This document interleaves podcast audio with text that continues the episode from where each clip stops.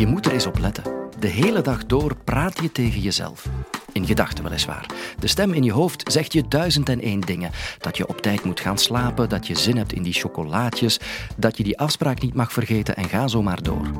Maar wat als die stem in je hoofd ineens wel heel vreemde dingen begint te verkondigen? Bijvoorbeeld dat je buurvrouw je probeert te vergiftigen, of dat je niet meer mag buiten komen. Professor Ines Germijs vertelt je over psychoses en meer in dit college. Hoe weet je dat je gek bent? Dit is de Universiteit van Vlaanderen. Wie van u heeft wel eens een stem in zijn of haar hoofd gehoord? En wat zegt die stem dat? Is dat zo'n innerlijke stem die zegt je moet op tijd gaan slapen of je moet je moeder bellen vanavond? Wie van u heeft wel eens het gevoel gehad als je in het donker door het park loopt dat die boom dat dat eigenlijk iemand is die daar met slechte bedoelingen op jou staat te wachten? En wie van u heeft wel eens het gevoel dat je buurvrouw het toch niet zo goed met je voor heeft? Ik denk dat dat ervaringen zijn die velen van ons herkennen. Maar wat als die stem, als je het gevoel hebt dat die eigenlijk niet van jezelf is? En wat als die stem negatieve dingen begint te zeggen? Als die stem bijvoorbeeld zegt dat je niks waard bent, dat je niets nut bent. En wat als je op zoveel plekken gevaar ziet dat je eigenlijk niet meer buiten durft komen? En wat als je niet meer durft eten omdat die buurvrouw jouw voedsel aan het vergiftigen is? Is dat dan nog normaal? Ben je dan gek geworden? En hoe weet je of je gek geworden bent? Dat is de vraag van vanavond. De dingen die ik net beschreef, stemmen horen in je hoofd, ideeën ontwikkelen die misschien niet helemaal met de realiteit overeenkomen, dat zijn kenmerken van een psychose. En als wij spreken over gek of gestoord, dan verwijzen we vaak naar mensen met een psychose. Mensen die verward zijn en die het gevoel met de realiteit wat zijn verloren. Maar wat nu met die ervaringen die ik net beschreef? Is dat dan ook psychotisch? Zijn wij dan allemaal een beetje psychotisch? Een psychose kan je eigenlijk beschouwen als een spectrum. Je hebt ervaringen die heel veel mensen hebben, op je hoede zijn in nieuwe omstandigheden, die innerlijke stem die je hoort. En als je dat uitvergroot, dan gaan we spreken over een psychotische ervaring. Als je inderdaad begint te denken dat die buurvrouw het toch niet zo goed met je voor hebt, of als je een stem begint te horen die misschien niet van jezelf is. En aan het einde van dat spectrum, als het echt in die mate ernstig wordt dat, je, dat het je functioneren beïnvloedt, dan noemen we dat een psychotische stoornis. Psychotische ervaringen zijn dus uitvergrotingen van wat heel veel mensen hebben. En die zijn op zich niet vreemd. Dat zijn uitvergrotingen, dat kennen wij allemaal. Ze hebben op zich ook geen behandeling nodig. Uh, en heel vaak gaan ze vanzelf voorbij. Maar als je in die mate er last van hebt, dat je er echt zelf gespannen, angstig van wordt, of als het in die mate je functioneren beïnvloedt, dat je niet meer goed voor jezelf zorgt, of dat je niet meer naar school gaat of niet meer kan werken, dan spreken we over een stoornis. Dan is er behandeling nodig. Dan noemen we dat een psychotische stoornis. En een psychotische stoornis kan bijvoorbeeld iets zijn zoals schizofrenie, een manisch-depressieve stoornis of een depressie met psychotische kenmerken. Als je echt een psychose doormaakt, is dat een heel overweldigende ervaring. Het heeft betrekking op alle aspecten van je leven. Je gevoel van tijd en ruimte verandert. Je krijgt nieuwe ideeën, nieuwe inzichten. Het lijkt alsof je de wereld beter begrijpt maar tegelijkertijd verlies je het contact met de echte wereld. Je zou het kunnen vergelijken met de boodschap of op het moment dat je ontdekt dat uh, je partner je bedriegt. Als je dat inzicht krijgt, dan ga je plotseling op een heel andere manier naar die relatie kijken.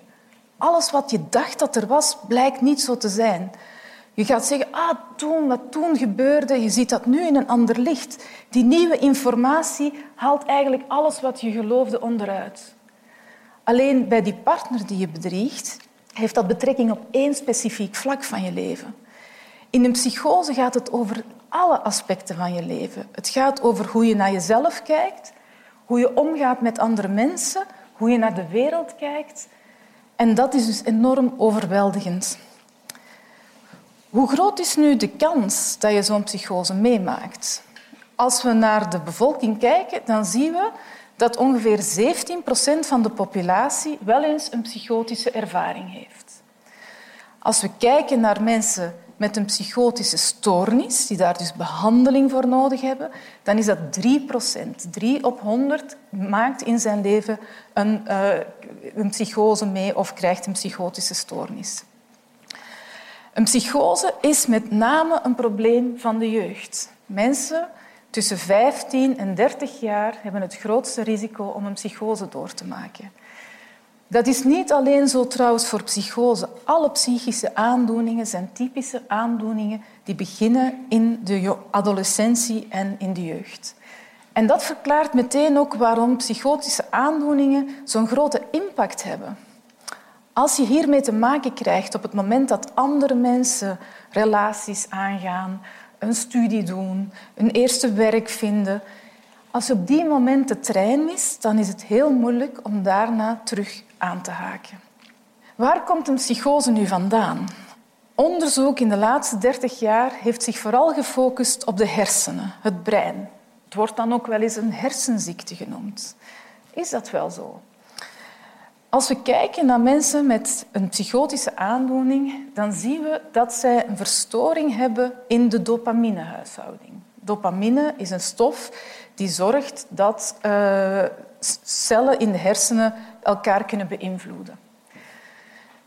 Maar het verhaal is complexer dan dat, want niet iedereen met een psychose heeft een verstoorde dopaminehuishouding en niet iedereen met een verstoorde dopaminehuishouding heeft een psychose. We zien dat ze als groep van elkaar verschillen, maar dat zegt heel weinig over het individu. Er zijn veel meer factoren die hier een rol spelen. Genetica speelt ook een rol. We weten dat als iemand in je familie een psychose heeft meegemaakt, dat de kans groter is dat je dat zelf ook meemaakt. Maar als we naar de genen gaan kijken, dan zien we dat dat heel veel verschillende genen zijn met allemaal hele kleine effecten. Het gaat bij een psychose om een heel complex samenspel van misschien een biologisch kwetsbaar brein met een genetische make-up die het misschien het risico wat verhoogt. Maar er zijn ook heel veel factoren in de omgeving die belangrijk zijn. Een van de grootste risicofactoren voor het ontwikkelen van een psychose is traumatische dingen meemaken in je kindertijd. Als je als kind fysiek mishandeld bent, seksueel misbruikt bent, gepest bent, dan is het de kans groter dat je een psychose ontwikkelt.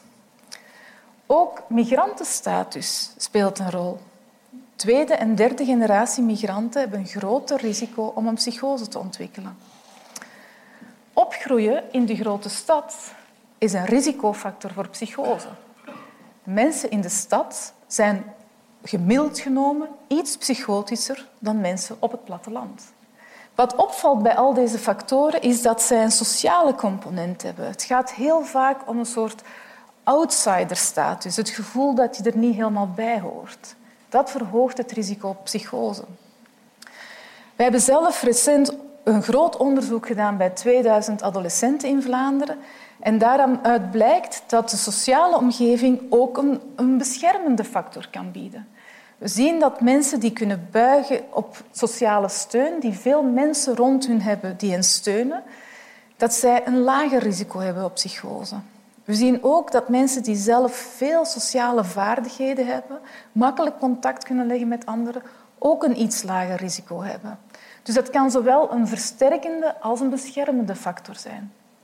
Maar ook andere factoren in de omgeving, bijvoorbeeld het gebruik van cannabis, het gebruik van methamfetamine, verhoogt het risico op psychose. Psychose is dus het resultaat van een zeer complex samenspel tussen al deze factoren. De volgende vraag is, kan je van een psychose genezen?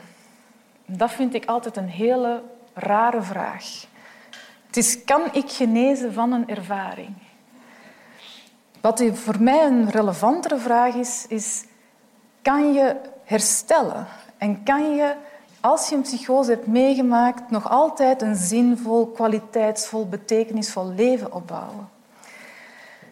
Als we kijken naar wat er in België gebeurt, in Vlaanderen gebeurt, bij mensen die een psychose meemaken, dan zien we dat de behandeling vooral medicamenteus is. We geven mensen antipsychotica. Dit zijn medicijnen die die dopamine dempen. Maar wat die medicijnen vooral doen, is inderdaad zorgen dat die symptomen wat gedempt worden. Maar die pakken eigenlijk het onderliggende probleem niet aan. Die helpen mensen niet om hun leven terug op poten te krijgen. Die helpen niet in dat herstelproces. Wat daarvoor nodig is, is psychotherapie. Is mensen begeleiden en helpen om hun leven terug in handen te nemen. In landen rondom ons, zoals bijvoorbeeld Nederland, het Verenigd Koninkrijk, wordt dat veel meer gedaan dan hier. Dus dat is belangrijk dat we mensen gaan behandelen met psychologische interventies. Wat ook belangrijk is, is dat een soort open dialoog ontstaat tussen de persoon met psychose, zijn of haar familie, behandelaars, maar ook mensen in de maatschappij, om te zorgen dat mensen terug dat hersteltraject kunnen ingaan. Dus als we komen tot de vraag hoe weet ik dat ik gek ben, dan moet ik concluderen dat dat sowieso een rare vraag is, want wie beslist er wat gek is? En dat wij allemaal ons ergens op dat psychosespectrum bevinden. Sommigen wat meer verder, anderen wat meer de andere kant op. Maar ik denk wat de belangrijkste boodschap is van dit verhaal, is dat een psychose meemaken niet het einde van de wereld is. Dat ook als je een psychose meemaakt, dat er hoop is op een betekenisvol en zinvol leven.